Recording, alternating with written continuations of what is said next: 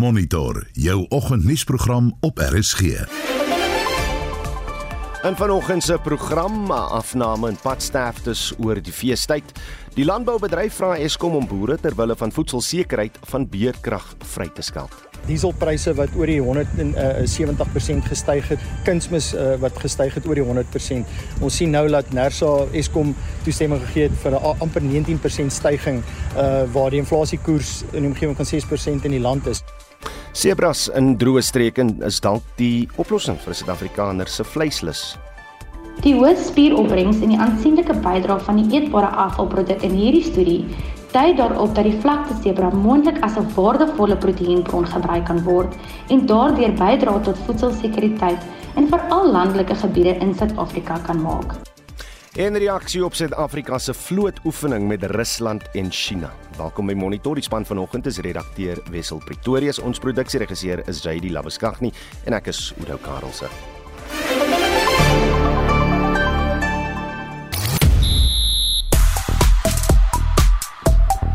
Sunay Lees is die Protea kaptein vir die driehoekige vroue T20 reeks teen Indië en die Wes-Indiese eilande. Joburg Super Kings en Paul Royal seëvier in die SA20 toernooi en die Spanjaard Rafael Nadal en Suid-Afrikaner Lloyd Harris beoog om hulle plek in die derde ronde van die Australiese Tennisope in Melbourne te verseker. Ek is Shaun Schuster vir RSG Sport. Reg, uh, nuwe navorsing toon dat sebras sterk potensiaal toon om vir vleisproduksie gebruik te word, veral in Suid-Afrika en in ons buurlande. Dit het min vet en hoë voedingswaarde. Ons praat nou-nou volledig hieroor en wil vanoggend by jou weet, sal jy sebra vleis eet en indien jy al sebra vleis of biltong geëet het, hoe smaak dit? Jy kan 'n stemnota stuur na 076536 uh 6961 of stuur 'n SMS na 45889 teen R1.50 per boodskap. Jy kan ook lekker saampraat op die Monitor en Spectrum Facebook bladsy. Raak waaroor gons dit vanoggend op sosiale media Marlies. 'n Gonswoord wat baie gewild is is Andy Murray. Murray het deurgedring na die tweede ronde in die Australiese Ope nadat hy Matteo Berrettini in 'n uitmergelende vyfstel wedstryd getroof het. Op beeldmateriaal kan jy sien hoe Novak Djokovic die wedstryd in amper ongeloof dophou. Dit is Murray se eerste oorwinning oor 'n teenstander wat onder die top 20 gekeer is in 'n Grand Slam sedert 2017. In 'n stadium het sy knie en elmboog gebloei. Hy bedank sy ondersteuners in 'n tweet met die woorde: "Ek hoop julle het die vertoning geniet." Dit is presies 11 minute oor 6. Navorsers aan die Universiteit Stellenbosch en die Universiteit van Queensland in Australië het bevind dat die vleis van sebras van die gesondste ter wêreld is. Een van die navorsers, Angelique Meiburg, sê sebra vleis kan voedselsekerheid verseker. Ons praat nou met haar. Angelique, goeiemôre. Goeiemôre, hoe gaan dit? Nee, dit gaan goed. Uh, ek ek wil net afskop om te vra wie daar so stil gesit en dink, ja, sebra vleis. Miskien moet ons hierdie hierdie tipe vleis navors. O, jene. Ag, sebra vleis, dit was my baie interessante studie geweest, maar net om 'n bietjie agtergrond te gee, um oor die wildsbedryf en oor hoekom sebra. So, um, met die oorspronklike uitbreiding van die wildsbedryf was daar vier bene of pilare geïdentifiseer. En dit was nou byvoorbeeld soos jag vir trofeedoeleindes en biltongproduksie. Ekotourisme is een van dit en dan teel en die lewende verkope en dan ook vleisproduksie. Dan hierdie val dan gewoonlik in twee kategorieë, namens verbruikend en nie verbruikend. En dit is waarop die bestuur van wildsplase in SA baie keer bestuur is van 'n ekonomiese doeleinde vir ekonomiese doeleindes. So die handeldryf van die vlakte zero dra by tot al hierdie vier, al vier hierdie pilare. En dit was my interessant om te sien dat daar bitter min navorsing beskikbaar is in terme van hulle vleisproduksie. Hmm. So Heidiglik is zebras een van die top 10 spesies wat gejag word vir trofeedoeleindes, waar die vleis gesien word as 'n sekondêre produk en in besitting bly van die boer. Die boer het dan gewoonlik die geleentheid om dit te verkoop aan die plaaslike gemeenskap of selfs aan restaurante. Ongelukkig vleis wat voorspruit uit jag van sekere hoefdierspesies word nie deur verbruikers verkies nie. Weens die gebrek van inligting oor hoe om dit voor te berei, mense is 'n bietjie bang vir dit en dan ook is hulle nie altyd bewus oor die gesondheidsvoordele nie. So Angelique, so, ek ek, ek ja. moet ek moet vra waar in Suid-Afrika of ander dele van van die wêreld eet mense tans zebravleis? Zebravleis word meestal in word uitgevoer na Europa toe. Ehm um, omdat vir ander lande wat reeds perdevleis eet en dit vorm deel van hulle tradisionele dieete. So omdat sebras nou nie vatbaar is eintlik vir bek en klou nie, dan val hulle nie onder daardie regulasies vir uitvoer nie, ehm um, wat ander wild verban nie. So dan maak dit hulle die ideale spesies om ons nou uit te voer. Mm. So Huidigelik in Suid-Afrika word sebra nou nie grootskaals verkoop nie omdat die vleis van hierdie spesies nou nie altyd aanvaarbaar is vir verbruikers nie as gevolg van daai emosionele konnotasie en dan ook oor die beperkende inligting wat beskikbaar is oor die gesondheidsvoordele soos ek nou genoem het en ook om dit voor te berei. Maar tans sebra vleis kom voor in verwerkte vleisprodukte soos wors, mince, droëwors patties en nog vele meer.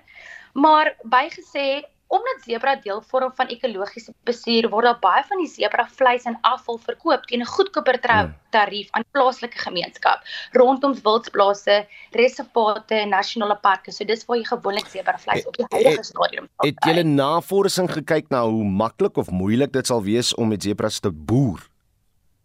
So die navorsing was meer gefokus op die vleiskwaliteit in terme van die fisiese parameters, die sensoriese profiel soos hoe proe dit, wat is sy potensiaal om te verouder en sy voedingswaarde. Maar eh, om daarby te las, alhoewel hulle onlangs 'n redelike paar spesies gediereguleer het of onder diereproduksie-regulasie geplaas het, beteken dit noodwendig dat ons môre met 'n um, wild of in of zebra um kommersieel gaan boer nie. Daar is ongelukkig te veel goed wat in die pad staan om hulle in kommersiële stelsels aan te hou, want hulle het spesifieke gedragpatrone wat hulle self nog moet leer en beter moet verstaan en dan ook het hulle spesifieke um voedingsbehoeftes waarvan ons ook nog te min weet. Angelique, hoe hoe smaak 'n zebra choppy? Sy sal nou nie 'n zebra choppy kry nie. Ehm um, so zebra eerstens zebras word eerder opgesny um met die fokus op beesnitte. So jy sal dit eerder kry in 'n steak, maar ehm um, wat ons wel bevind het was ehm um, dat hulle het 'n wildagtige smaak, hulle het ook 'n beesagtige smaak, maar dan het hulle ook soet geassosieerde en kruidagtige geure ehm um, en aromas. Hmm. Wat ons ook bevind het is dat gewoonlik wild is het mos maar 'n metaal en 'n lewerige smaak en die zebra het laer ehm, 'n um, laer telling op dit gehad in vergelyking met ander wild. So wat gaan ons maak met uh, die navorsing en die inligting wat hier uitgekom het? So dit is eintlik meer om omdat ons um, zebra populasies ekologiese bestuur ekologies bestuur en omdat ook ehm um, dit 'n sekondêre produk as die vleis as 'n sekondêre produk gesien word ehm um, na trofeejag is daar beskikbaar van van die vleis en ek dink omdat ehm um, daar nie 'n mark vir dit is nie ehm um, sit die boere um gewoonlik met dit of en het nie dalk 'n punt waar dit versprei nie en hulle kan dit net eintlik versprei na die plaaslike gemeenskap. So nou met hierdie navorsing kan dit eintlik wys as jy na die totale navorsing in geheel kyk, daar is 'n potensiaal vir vir zebra om gebruik te word um en geëet te word deur die publiek. Angelique Meiberg, baie dankie vir tyd hier op Monitor. Sy is natuurlik 'n meestersgraad student aan Universiteit Stellenbosch en onthou ons vra vanoggend Het jy al zebravleis of biltong geëet? Hoe smaak dit of of sal jy as jy weet dat dit sal help met voedselsekerheid in ons land en buurlande? Laat weet wat jy dink. Reg die minister van vervoer, Fikile Mbalula, het sy kommer uitgespreek oor die aantal voetgangsterftes of voetgangersterftes liewer wat gedurende die 2022-2023 feesseisoen met 10% toegeneem het. Hy sê egter dan was 'n afname van byna 14% in padverkeersterftes tydens die feesseisoen vergeleke met die vorige jaar. 1685 sterftes is in die vorige tydperk aangeteken teenoor 1451 tussen 1 Desember 2022 en 11 Januarie vanjaar. Vincent Mofokeng het meer besonderhede. Mbalula sê menslike foute bly die hoofoorsaak van sterftes op die Suid-Afrikaanse paaie wat verantwoordelik is vir 87% van alle ongelukke. The 2022-2023 festive season recorded significant gains in our efforts to arrest road fatalities. The period under review saw a total of 1,451 people losing their lives on our roads. This is a 13.9% reduction compared to 1,680 fatalities in the previous year. 1,000 people dead on the road, just the number is too much uh, in itself. Die meeste gevalle is tussen 15 en 28 Desember verlede jaar aangeteken. Mbalula sê voetgangersterftes is verantwoordelik vir 'n groot aantal sterftes. Fatalities recorded over this period were 327 and 316 respectively. Pedestrian fatalities significantly increased by 10% year on year from 31% in the previous period to 41% in the current festive season. Simply put, out of every 100 road crash fatalities, 41 are pedestrians. In Gauteng and Western Cape, pedestrian fatalities constitute 54% of all fatalities. Die Gautengse ALR vir vervoer en logistiek, Kidibone Diale, sê die toename in voetgangersterftes moet die fokus van padveiligheidsveldtogte verander. You realize that we are always focusing on motorists and it happened in townships uh, and I think we should take it there and working closely with our metro police uh, departments we will make sure that uh, we create awareness around pedestrians themselves and communities themselves. In die 2022 feestydperk, sê Mbalula, het die meeste ongelukke tussen 5uur namiddag en 10uur saans plaasgevind en veral naweke.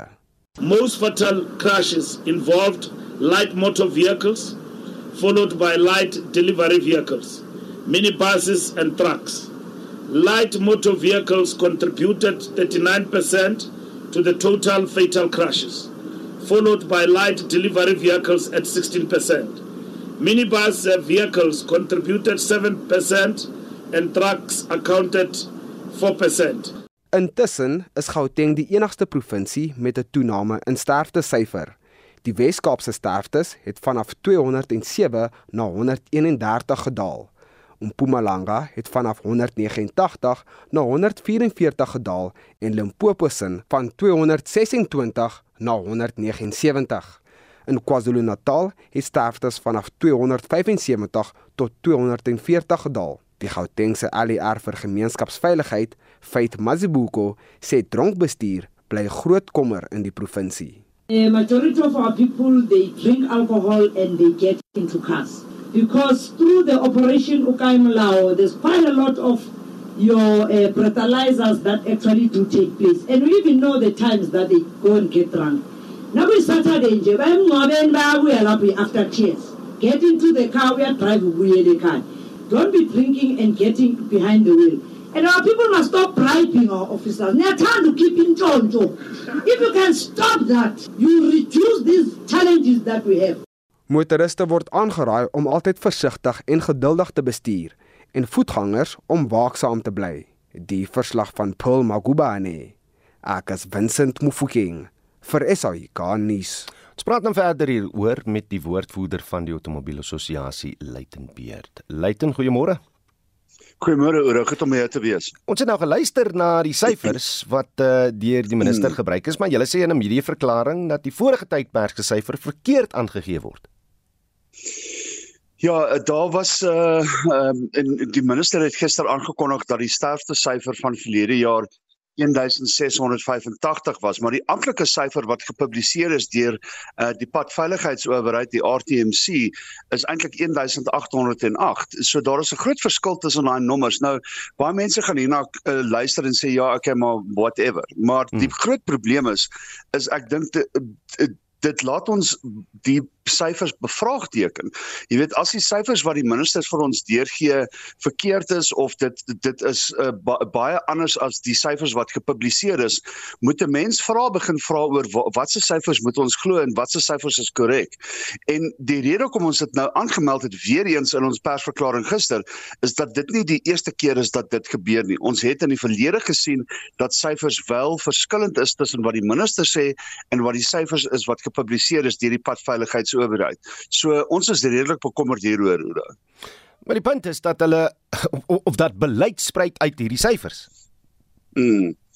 Nie net beleid nie, maar ek dink baie ander ehm um, uh programme so soos byvoorbeeld die AA het ehm um, 'n uh, uh, uh, sigbaarheidsprogramme wat ons van stapel stuur ehm um, elke jaar. Ons kry befondsing van ons internasionale uh kollegas en ons uh jy weet ons ons maak sigbaarheids uh, uh gedrag beskikbaar aan voetgangers omdat ons weet voetgangers is die die uh, the road user group wat die meeste in in gevaar is. Hmm. So ja, dit is nie net 'n uh, beleidsprogramme nie, maar organisasies soos onder andere die AA gebruik ook hierdie syfers om ons eie programme uh, van stapel te stuur.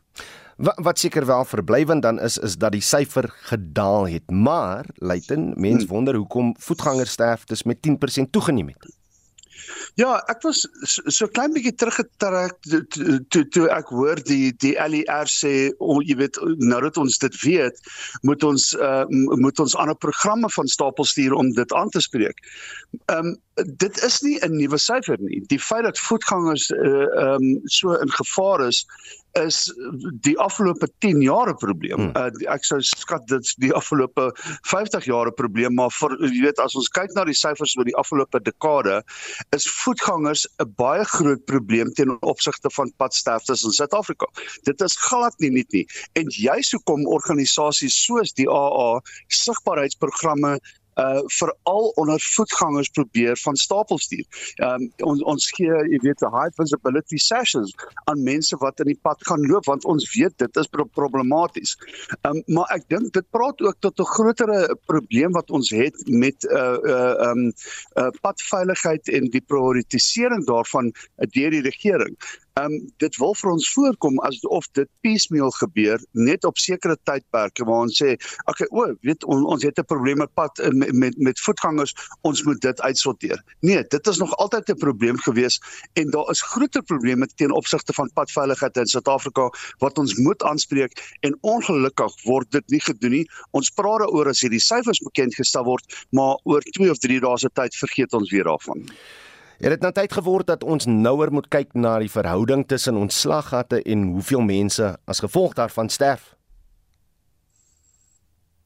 Ehm um, ja, ek ek dink dit ek dink slaggate is 'n probleem en dit is natuurlik 'n groot pad te veiligheid probleem. Ehm um, ek sou nie sê ek ek ek ek sou dink ehm um, en dit is net my eie opinie, daar is nie baie sterftes as gevolg van slaggate nie. Ek dink daar is wel, maar ehm um, as ons kyk na die syfers oor dit sal ons sien uh baie van die sterftes wat gebeur is op langer paaie. Ehm um, en natuurlik is dit alles uh, te, die oorweldigende meerderheid is as gevolg van bestuurder behavior. So driver behavior is die groot probleem uh ten opsigte opsigte van hoekom ons hierdie hoë sterfte syfer het. Ehm um, slaggate is wel 'n groot groot probleem. Ehm um, en dit moet daar ons moet natuurlik daarna kyk. Ehm um, maar ja, miskien is dit tyd dat ons ook da daarna kyk. Ons ons het soveel eintlik oor waarna ons moet kyk ten opsigte van padveiligheid. Die mense wil eintlik sê maar waar moet ons begin? Dalk is dit 'n goeie plek. En dit was Luitenbeer, die woordvoerder van die Automobiel Assosiasie. President Cyril Ramaphosa woon nie vanjaar die jaarlikse beraad van die Wêreldekonomiese Forum forum in Davos, Switserland by nie. Die kragkrisis in Suid-Afrika hou hom tuis. Die forum is in 1971 as 'n internasionale nie-regerings- en agenda-gedrewe organisasie gestig. En ons praat nou met 'n besoekende professor aan Witse Sakeskool, Janie Rousseau. Janie, goeiemôre. Goeiemôre Oude en goeiemôre aan die luisteraars. Net so 'n nette dop, verduidelik net eers wat die doel van die wêreldekonomiese forum is. Forum se oogmerk is om sakeleiers en politici bymekaar te kry om gesprekke te voer oor sake van gemeenskaplike belang ten einde die uh, uitkomste vir die hele wêreld te verbeter. So byvoorbeeld sal gesprekke voer oor aardverwarming, globalisering en so meer. Ons president sou met seker potensiële beleggers by die beraad vergader het. Pla plaas hy 'n besigheid enigsins sulke ooreenkomste in die weegskaal? Hoewel uh, Suid-Afrika behoort glad nie afvaardiging by die uh, wêreldekonomiese forum se vergadering te hê van jaar nie. Lande gebruik hierdie forum om hulle self bekend te stel aan potensiële beleggers. Suid-Afrika het niks om beleggers bekend te stel nie internasionale beleggers sal nie in Suid-Afrika belê te midde van 'n kragkrisis nie. So hier is eintlik vermoorde besteding om hoegenaamd 'n regeringsafvaardiging soontoe te stuur. Ons moet eers ons eie huis in orde kry voor ons probeer om beleggings te werf by 'n internasionale forum soos die wêreldekonomiese forum. Ek dink die mense lag vir ons by die forum. Ons is te dom om dit agter Ja, Janie, ons het al voorheen gesien dat die president gesê het uh, sy teenwoordigheid by die Wêreldekonomiese Forum het dit moontlik gemaak vir mense om na die beleggerskonferensie toe te kom hier in Suid-Afrika so 'n paar jaar terug. Ja, toe daar nog hoop was dat Eskom se probleme opgelos gaan word, het die beleggingskonferensie nog 'n rol in Suid-Afrika te speel gehad. Maar op die oomblik kan ons konferensies hou soveel soos ons wil. Solank as wat Eskom nie volhoubaar elektrisiteit kan voorsien nie, gaan beleggers uh, vanuit die res van die wêreld nie in Suid-Afrika belê nie. Ons politici leef in ontkenning en is besig om hulle self te bluf. En dit is tyd dat ons dit vir die regering sê. Hou op om jouself te bluf deel met die werklikhede in Suid-Afrika. Is daar dan buiten die wat wat ons verantwoordelikheid oor het as as ons regering is daar dan impak wat gemaak sal word deur die besluite wat by die beraad geneem word op op Suid-Afrika se ekonomie? Ja, uh, besluite wat daar geneem kan word Uh, dit is natuurlik nie bindende besluite nie, moet ek sê, maar besluite wat daar geneem kan word kan op die lang termyn Suid-Afrika se ekonomie beïnvloed. Byvoorbeeld besprekings rondom groter globalisering, fokus op uh, logistieke lyne oor die wêreld heen, hmm. beter verspreiding van produkte en so meer kan op die lang termyn 'n impak op Suid-Afrika hê. Die probleem egter is dat Suid-Afrika nie meer die agenda bepaal nie, dat ons in die ontvangkant van hierdie goed is. Dit was uh, Janie Rousseau, besoekende professor aan die Wits Sake Skool. Baie dankie vir jou tyd hier op Monitor vanoggend. Jy luister na Monitor elke weekoggend tussen 6 en 7. Byna 6:30 en in die hoofnuus gebeur het. Die matriek slaagsyfer van die onafhanklike eksamenraad se senior sertifikaat eksamen is 98,42%. Die landbousektor versoek Eskom om van beerkrag uitgesluit te word. En ons kry 'n reaksie op Suid-Afrika se vlootoefening met Rusland en China. Bly ingeskakel.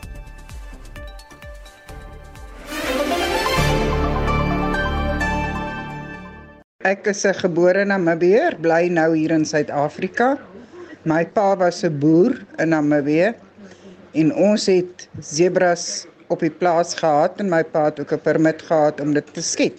Aangesien dit daardie jare, ek praat nou van voor 1975 was dit 'n uh, bewaarde wild gewees. My pa het zebras gejag. Ons het biltong, wors, vleis.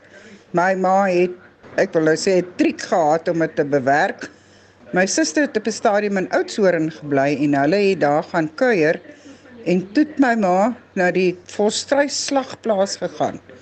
En dan nou ook natuurlik by hulle verwerkingsplekke en daar het hulle vir haar inligting gegee rondom hoe hulle die volstruisvleis bewerk om daai transmaak uit hom uit te haal en sy het haar zebra vleis so bewerk en daar was geen probleem nie. Inteendeel, daar was sekere snitte wat verkies was bo ander wildsbiltong. Ek is 'n groot vleiseter, maar ek ehm um, verstaan nie hoekom hulle so iets sou wou doen nie. As zebra is daar om mooi te wees en in die veld te wees. Dis hoekom ons beeste het en ander goed het om te eet, skape en die normale dinge. So kom hulle nou uit hierdie boksie uit wil klim en net seker ons is begin. Ehm um, verstaan ek nie regtig nie. Baie baie dankie vir julle stemnotas, julle SMS'e. Ons sal net voor ons totsiens sê vanoggend na van hierdie boodskappe wat ook van die Facebook bladsy afkom, uh, deel saam met die, die luisteraars. Julle stemnotas deur na 0765366961. Julle SMS'e deur na 45889 R1.50 per boodskap en soos ek gesê het, kan jy ook lekker saampraat op die Monitor en Spectrum Facebook bladsy. Nou tyd vir die jongste sportnuus met Shaun Jooste. Shaun, goeiemôre. Goeiemôre Oudo. Shaun, dit sien 'n sterk span is gekies en bekend gemaak vir die Protea span wat binnekort die eh, vroue T20 driehoekige reeks hier op tuisbodem gaan aandurf, maar ons kaptein, dan hy van Niekerk, nog steeds nie beskikbaar nie. Ja, Cricket Suid-Afrika het 'n groep van 17 spelers vir die vroue driehoekige T20 reeks teen Indië in die Wes-Indiese eilande bekend gemaak en groot name soos Laura Wolfhard, Marizaan Kap, Chloe Train en ook Shabnim Ismail het die span gehaal wat ook twee nuwelinge insluit en deur Sunay Lees gelei sal word. Nou die veteran dan hy van Niekerk het uh, nie aan fiksheidsvereistes voldoen nie en is dus nie oorweeg nie.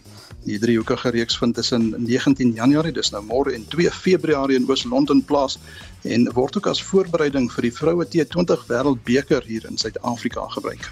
Dan is daar ook uh, ander internasionale krieket aan die gang en op tuisbodem natuurlik die SA20 toernooi. Ja, die onder 19 vroue T20 Wêreldbeker is ook hier in Suid-Afrika aan die gang in ons jong Protea span. Hulle speel vanmiddag van so 1:45 af in Benoni in 'n moedwen wedstryd teen die Verenigde Arabiese Emirate en dan vanoggend 10:00 begin die reeks van 3 eendag wedstryde tussen Indië en Nieu-Seeland se manspanne en dan gaan ons oor na die SA20 toernooi die Joburg Super Kings het die Pretoria Capitals gisteraand op die Wanderers in 'n uitstekende wedstryd met 6 lopies geklop. Super Kings eindig op 168 vir 6 danksy 'n lees deploy se onverwonde 75 van net 40 balle. Ethan Bosch was uitstekend vir die Capitals met die bal. Hy eindig met 3 paaltjies vir net 12 lopies en die Capitals tot 162 beperk. Dan het die Paul Royals die Durban Super Giants ook met 10 lopies geklop. En dan vanmiddag half 2 is dit MI Cape Town op Nieuweland teen Sunrisers Eastern Cape en vanmiddag half 6 verwelkom die Capitals weer die Super Kings maar hierdie keer in Centurion. Reg na tennis toe Novak Djokovic, hy het goed gelyk gister, maar as ek nou net vinnig kyk na wat op die skerm aangaan, Rafael Nadal sukkel bietjie vanoggend hier teen eh, 'n uh, man met die naam van McDonald. Ja, die eerste gekeerde Spanjaard Nadal natuurlik teen die Amerikaner Mackenzie McDonald in aksie nou. Ek sit nou nie voor die televisie op die oomblik nie. Voor ons begin praat het was die telling 4-3 vir McDonald gewees. Dit is in die eerste stel en Suid-Afrika se Lloyd Harris sy wedstryd teen Martin Fusovic van Hongarye is ongelukkig deur reën ontwrig. Dan het ons gehoor in die vroue afdeling die wêreldnommer 1 Iga Swiatek, sy is vanoggend deur na die derde ronde, so ook Maria Sakkari van Griekeland en in die derde gekeerde Jessica Pegula, sy is van Amerika, C462 en 76 teen Alexandra Sasnovic van Belarus. As hy Shaun Houston het vir ons uh, afsluit, se uh, Mackenzie McDonald wat nou 5-3 voorloop in die heel eerste stel. Dit was ons Shaun Houston daar met die jongste sportnuus op RSG.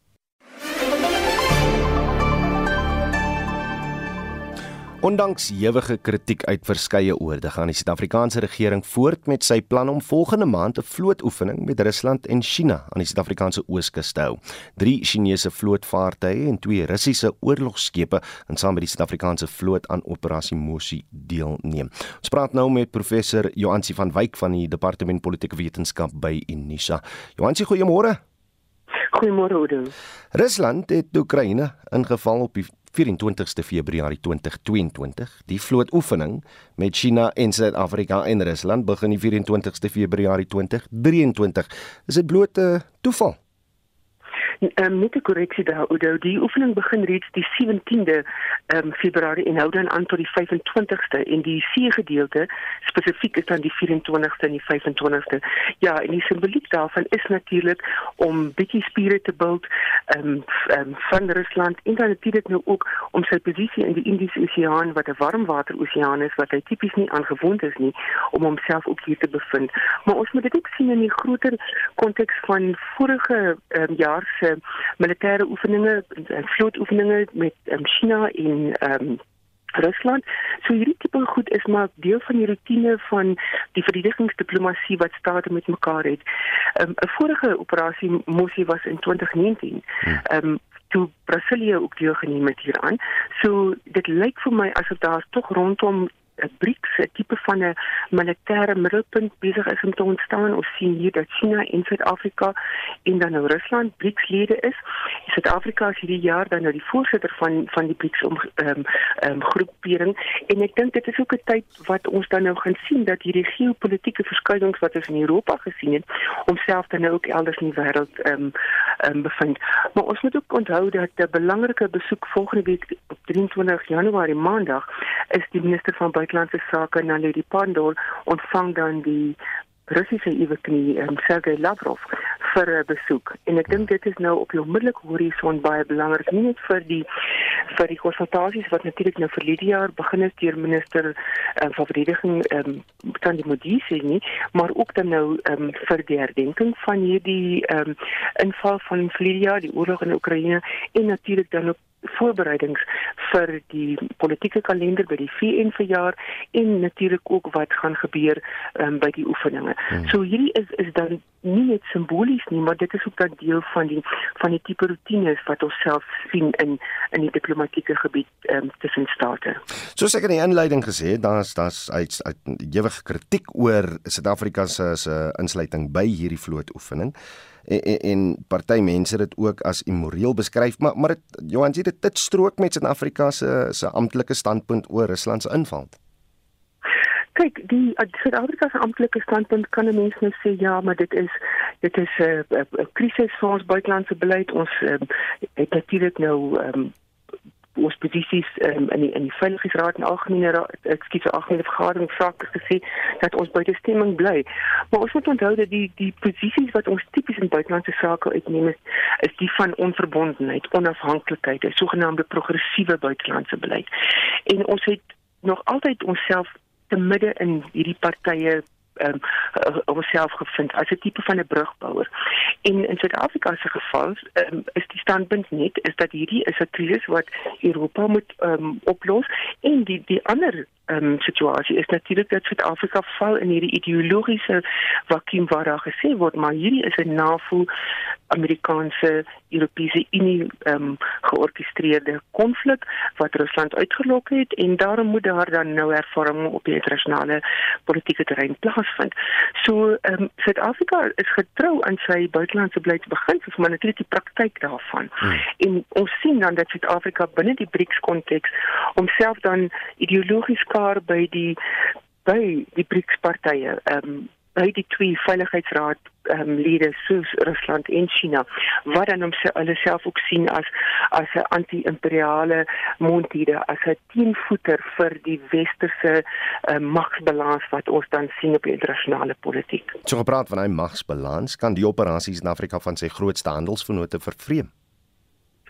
Nee, weet jy, ek dink tog glad nie. Nie se plek met 'n mens vra watter tipe handels ehm um, vernote uh, van watter tipe handel praat ons. As jy dink ons het ehm um, van ons grootste militêre uh, spesifieke vlootoefeninge het ons byvoorbeeld met die Franse in November vir jaar gehad. Die sogenaamde oefening of operasie Oksied. En vroeër uh, in Januarie uh, laas jaar het ons byvoorbeeld die operasie Goeie Hoop saam met die die Duitsers gehad.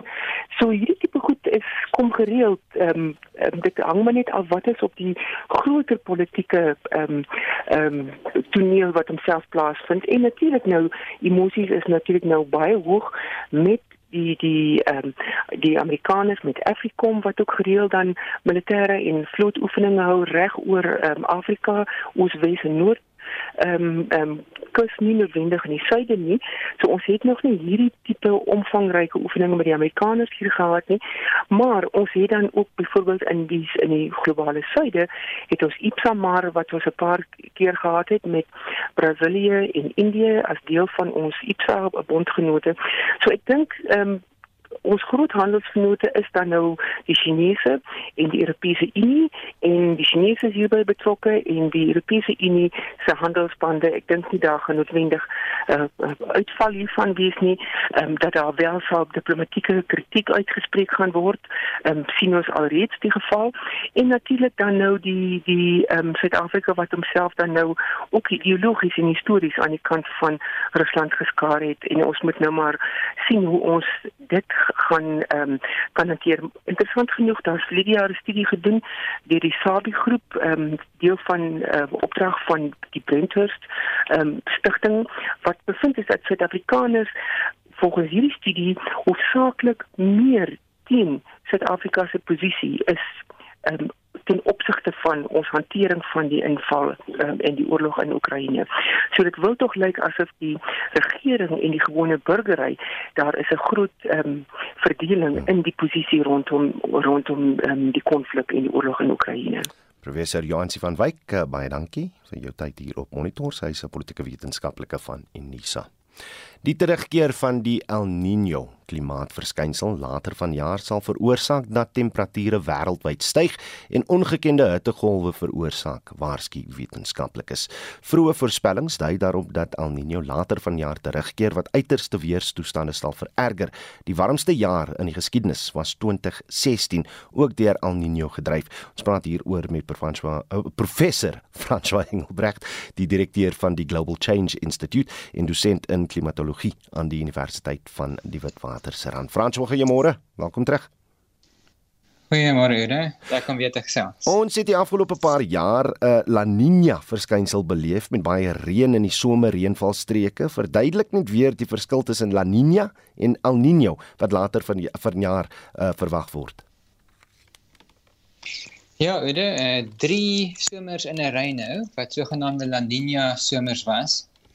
Dit beteken dat die seeoppervlaktemperature in die Stille Oseaan in die oostelike en tropiese gedeeltes onder normaal was.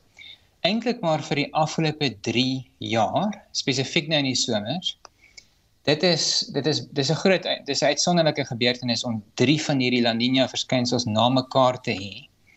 Nou as die Stille Oseaan so koel is, dan ontwrig dit wêreld weerpatrone en die uiteinde vir ons is meestal dat toestande baie gunstig is vir reënval. En soos vir die meeste Suid-Afrikaners sal weet, inderdaad die laaste 3 somers was oor die algemeen nat, geassosieer met bo-normale reënval oor byna die hele somerreënvalstreek. Dit is omtrent net die suidelike gedeeltes van die Oos-Kaap waar dit nie gereeld goed gereën het nie. Hmm. Nou net om my vraag volledig te antwoord, die stelsel is nou waarskynlik besig om om te keer. So ons is besig om te beweeg na die teenoorgestelde toestand waar die Stille Oseaan bo-normaal warm word. En dit dit staan dan bekend as 'n El Niño verskynsel. En op die oomblik sien ons dat die seeoppervlaktemperature steeds onder normaal is. Dit is steeds 'n La Niña. Maar die voorspelling is dat hierdie La Niña dalk so vroeg as einde Maart kan heeltemal weg kan wees. En dan so teen Julie Augustus gaan die El Niño verskyns verskynsel waarskynlik sy kop uitsteek. Dis nie 'n voldonge feit nie. Maar die huidige voorspelling is een van 'n die mees waarskynlike uitkoms vir die volgende somer, die somer van 2023-24 is is El Niño. Mm. En die bo-normale seeoppervlakte temperatuur het natuurlik ook 'n baie groot ontwrigtende effek op die wêreld se weerpatrone.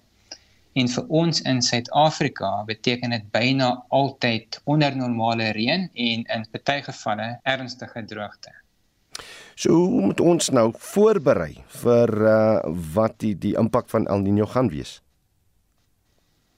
Ja, dis natuurlik die waarde het wat ons wat ons kry natuurlik uit die wetenskap oor ons het nou ons weet nou daar's 'n baie goeie kans van 'n El Niño verskynsel die volgende somer. So dit gee ons darm die geleentheid om voor te berei. So daar's baie dinge wat ons kan doen. Ons kan byvoorbeeld dink aan die feit uh, wat gebeur het vroeër vanjaar toe ons in Gauteng vir 'n ruk lank hierdie waterkrisis gehad het in Tshwane en Johannesburg tydens die hittegolf van die einde September vroeg Oktober wat deels gedryf was soos ek dit verstaan maar uit die uit die probleme met elektri elektrisiteitsvoorsiening. Nou ons moet weet dat ons absoluut perfek voorberei moet gaan wees in terme van hoe ons elektrisiteit gaan bestuur sodat ons nie tydens die groot hittegolwe wat waarskynlik gaan voorkom tydens die volgende El Niño somer ook uit water hardloop gelyktydig nie. So dit gaan baie gaan oor die versigtige bestuur van elektrisiteit en water tydens so 'n El Niño seisoen omdat 'n El Niño seisoen nie net waarskynlik baie hoë temperature en hittegolwe bring nie, maar heel moontlik ook uiteindelik waterskaarste. En Frans, wat net laastens, wat sê die jongste navorsing, eh, die wetenskappe hoe erg aardverwarming besig is om toe te neem reg oor die wêreld? Ja, nee, oor ongelukkig kon ons nog steeds nie hierdie proses van globale verwarming omkeer nie ten spyte van al die uitstekende uit internasionale ooreenkomste wat in plek is. Ehm um, kry ons nie kom ons net nie so ver as die mens om klimaataksie te neem nie. So 2024, die jaar wat volg na hierdie voorspelde El Niño, gaan waarskynlik die warmste jaar ooit wees in die geskiedenis van opgetekende waarnemings. Ehm um, daar baie luisteraars sal weet van die sogenaamde 1.5 grade Celsius drempelwaarde van globale verwarming Dit is wat die Parys-ooreenkoms oor klimaatsverandering probeer keer dat ons nooit daai drempelwaarde sal oorskry nie. Maar dit wil nou voorkom dat daar 'n goeie kans is dat ons dit vir die eerste keer gaan oorskry in die jaar 2024. Dit is nou as die El Niño wel gaan vorm en ook as dit 'n sterk El Niño is, dan gaan ons dalk nou vir die eerste keer hierdie gevaarlike drempelwaarde oorskry. En dit beteken maar net die die klimaatstelsel is toenemend besig om in te beweeg in 'n nuwe reeks prosesse waar ons ongekende impakte gaan sien ook in ons eie streek en ons sal toenemend moet dink aan hoe ons gaan aanpas by hierdie veranderende klimaatstelsel want dit lyk ongelukkig asof ons nie die, die hierdie eerste gevaarlike drempelwaardes van globale verwarming mee kan keer nie. Hulle is nou eintlik maar deel van die toekoms. En uh, op daardie noot sê ons baie dankie vir professor François Engelbrecht, hy is die direkteur van die Global Change Institute uh, en dosent in klimatologie aan die Universiteit van die Witwatersrand. Die matrikulante wat die onafhanklike eksamenraad se eindeksamen afgelê het, het 'n slaagsyfer van 98,42% behaal. Dit is evenveel hoër as verlede jaar se slaagsyfer van 98,39%. Die uitslae is gister nag bekend gemaak. Meer as 89% van leerdlinge het met die universiteitsvrystelling geslaag. 12580 voltydse en 945 deelse deeltydse kandidate het ook die eh, senior sertifikaat eksamen afgelê in die onafhanklike eksamenraad. Max Nodie van Trinity House College in Little Falls gaan rekenaar-ingenieurswese by die Universiteit van Pretoria studeer en 'n swemloopbaan daar volg. I think I knew what I wanted, and since I wanted it so badly, I think I was able to make the sacrifices, put in the most, be disciplined, and you know, wake up earlier, go to bed later, um, put in more hours than you know other people. And I think because I did things that other people necessarily wouldn't, um, I can now today stand and do things that other people can't. Nog 'n toppresteerder is Nia Udit van Pinnacle College met sewe onderskeidings. Sy gaan rekenaar tegnologie by Wits geswat. Definitely very happy. Yeah, it was a tough journey. And when it was over, it was such a relief. Obviously anxious waiting for the results. Mm. The studying and physically writing the exams in that limited time frame. En dit was die toppresteerders van die onafhanklike eksamenraad net vir ons uh, gaan uh, en uh, totsiens sê met meer as die helfte van alle landbougewasse wat vanuit die Weskaap uitgevoer word, sê die provinsiale regering dat die bedryf op sy knieë is en hy het uh, sy stem gevoeg by die beroep dat landbou kwytgeskeld word van beerdkrag. Agri Weskaap het beerdkrag as 'n krisis bestempel wat verrykende gevolge sal hê. Die groter meerderheid uh, van landbouers in die provinsie is afhanklik van Eskom vir elektrisiteit wat in elke aspek van produksie benodig word word. Tanya Krause doen verslag. Beerdkrag bestaan al vir 15 jaar en het met die tyd toegeneem tot daaglikse ure van duisternis. In landbou is elektrisiteit onder meer nodig vir die pomp van water, besproeiing, koelstore en baie meer. Die uitvoerende hoof van Lamot Wynlandgoed op Franshoek, Hein Koeglenberg, sê hulle oes gaan binne die volgende week begin inkom, maar dis 'n angswekkende tyd weens vlak 6 beerdkrag. Nou sit ons met met krag wat ons nie het nie en ons moet 'n oes inbring wat vir ons geweldig uh, stresvol gaan wees. 'n Wyn is 'n kwaliteitsproses en jy kan dit slegs beheer as dit binne jou vermoë is. Uh en as dit as die vermoë van beheer weggevat word van jou af, is dit net baie moeilik vir ons. Agri Weskaap het 'n kosteberaming gedoen in 'n gebied in die provinsie op 30 pakstore en 60 plase. Die normale Eskom rekening vir die area beloop 145 000 rand per week. Nou het daardie syfer opgeskiet tot byna 900 000 rand per week as gevolg van die noodgebruik van diesel vir kragopwekkers. Uitvoerende hoof van die organisasie Janie Strydom sê die situasie is onhoudbaar. Dieselpryse wat oor die 170% uh, gestyg het, kunsmis uh, wat gestyg het oor die 100%. Ons sien nou dat Nersa Eskom toestemming gegee het vir 'n amper 19% stygings waar die inflasiekoers uh, 6% in die omgewing van 6% in die land is. So, dink jy op hierdie stadium is dit net fisies nou dit begin nou onmoontlik raak om al hierdie uitdagings te oorkom en aan te spreek op hulle eie. Uh, ons wil regtig 'n beroep op die regering doen. Hulle is verantwoordelik om 'n omgewing te skep waar binne besighede en produsente kan funksioneer en volhoubaar produseer. Die provinsiale regering het 'n energiekrisiskabinetkomitee in die lewe geroep. Weskaapse minister van Landbou Dr. Ivan Meyer het 'n beroep op die nasionale regering gedoen om die landbousektor 'n essensiële diens te verklaar. Die boere het hoofsaaklik energie nodig en krag vanaf 6:00 die oggend tot en met omtrent hier 5:00 die middag. Maar ons weet dat in die grootste tydperk is omtrent tot hier in die einde van Maart en April. Daarna glo ons kan ons 'n bietjie afskaal want dan het die landbousektor minder energie nodig. Maar mense moet ook onthou, ons het ook wintergewasse en die oplossing is om die landbousektor te verklaar soos tydens COVID-19 as 'n essensiële diens. Die minister van Landbou, Toko de Diza, het Vrydag 'n belanghebbersvergadering byeengeroep. 'n Nasionale taakspan is op die been gebring om die kwessie aan te spreek. Hierdie verslag is saamgestel deur Mariska Botha in Kaapstad. Ek is Tanya Krause op George.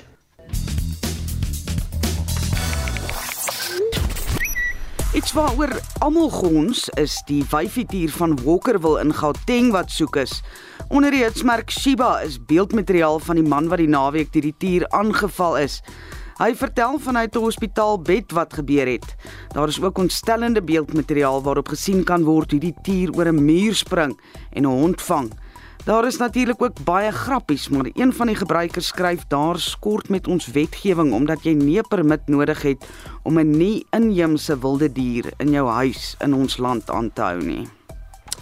Reg, kom ons keer terug na ons brandpunt vraag vandag. 'n Nuwe navorsing toon dat sebras sterk potensiaal toon om die uh, vir vleisproduksie gebruik te word veral in Suid-Afrika en ons buurlande. Dit het min vet en hoë voedingswaarde. Nou ons praat of of liewer het vanoggend gepraat hieroor en ons wil by jou vanoggend weet Sal jy zebravleis eet en indien jy al reeds zebravleis geëet het of biltong geëet het, hoe smaak dit? Op uh, Facebook sê Donald Latsky As jy sebra kan eet, is perd en donkie ook seker uh, in orde. MC Rautenbach sê ek eet oor die algemeen nie wildsvleis nie. So nee, ek sal nie zebravleis eet nie. Daar's genoeg ander vleis om te eet. Johan Oberholse praat hier van kyk wat eet baie Chinese mense en en toe kry ons almal 'n groot griep as gevolg daarvan. Uh Christian Michael Nankwe sê ek het al zebravleis geëet en dit smaak soos enige wildsvleis as jy weet hoe om dit voor te berei en dis weet jy nie eers met watter soort vleis jy besig is nie as hy natuurlik nou blyk reg voorberei word. Dudley Carlton sê my vriend sê dit uh dit weet reg, maar dit laat sy mag baie werk terwyl Hans Stein sê ek uh sal dit eers wil proe voordat ek 'n opinie lewer hieroor. Wat dink jy hiervan? Wat is jou mening? Het jy al reeds geëet? Laat weet hoe dit smaak, laat weet of jy wel sebre sal eet. Jy kan 'n stemnota stuur na 0765366961. Jy kan ook vir ons 'n SMS stuur na 45889 teen R1.50 per boodskap en dan kan jy ook lekker saamgesels op die uh, Monitoring Spectrum Facebook bladsy. Dan hoor ons van julle boodskappe vanmiddag tussen 12 en 1 op Spectrum en later vandag natuurlik op Brandpunt. Onthou vorige uitsendings van Monitor Spectrum en Brandpunt naweek aktueel en kommentaar is op RSG se webblad as 'n potgooi beskikbaar. Gaan net na www.rsg.co.za. Ons groet namens ons uitvoerende regisseur Nicoline de Wee. Ons redakteur vanoggend is Wessel Pretorius. Ons produksieregisseur is JD Labeskagni en ek is Udo Karel. Se geniet die dag in die geselskap van RSG.